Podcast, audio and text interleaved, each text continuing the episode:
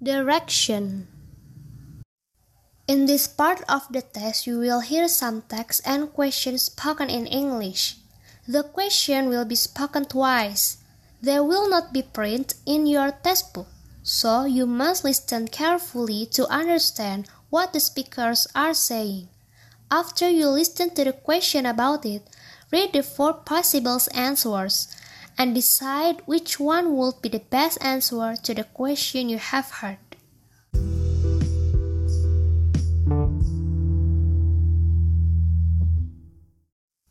Learning English through music and songs can be very enjoyable. You can mix pleasure with learning when you listen to a song and exploit the song as a means to your English progress.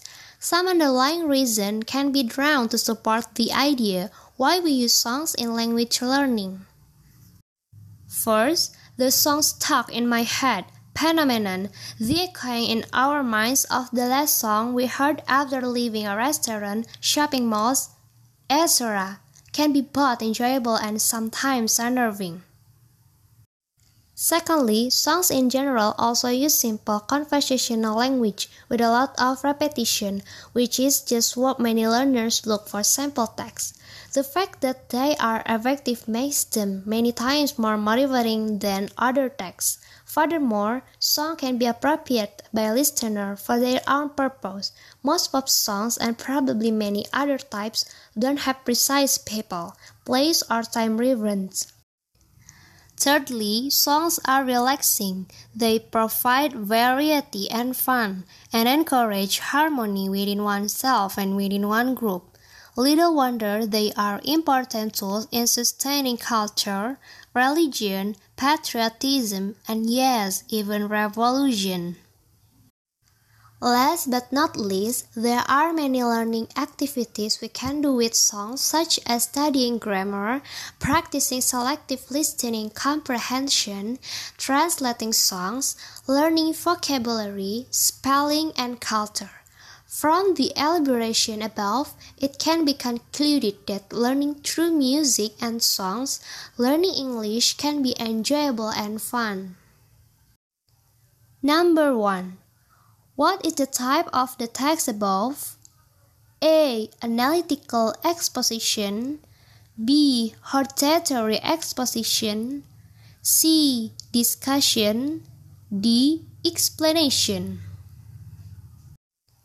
Number 1.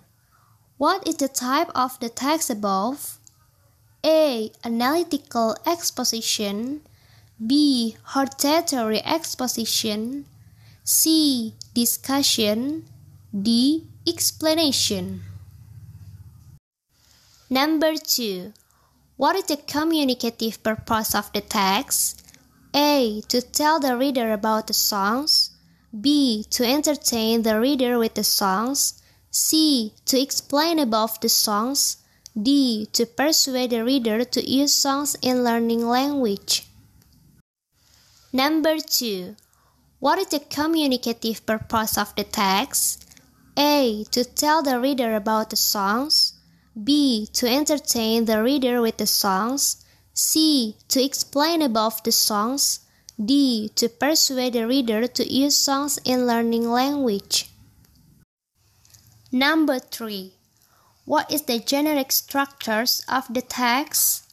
A. Thesis, arguments, recommendation. B. Newsworthy events, background events, sources. C. Thesis, arguments, reiteration. D. General statement, arguments. Number 3. What is the generic structures of the text? A. Thesis, arguments, recommendation. B newsworthy events, background events, sources. C. Thesis, arguments, reiteration. D. General statement, arguments. Number 4. What is the text about? A. Learning songs. B. Very enjoyable music. C. Music listeners. D. Using songs in language learning. Number 4. What is the text about? A. Learning songs. B. Very enjoyable music. C. Music listeners. D. Using songs in language learning. Number 5. Based on the text, what are the reasons for using songs in language learning? A. 6 B. 4 C. 5 D. 3 Number 5. Based on the text, what are the reasons for using songs in language learning?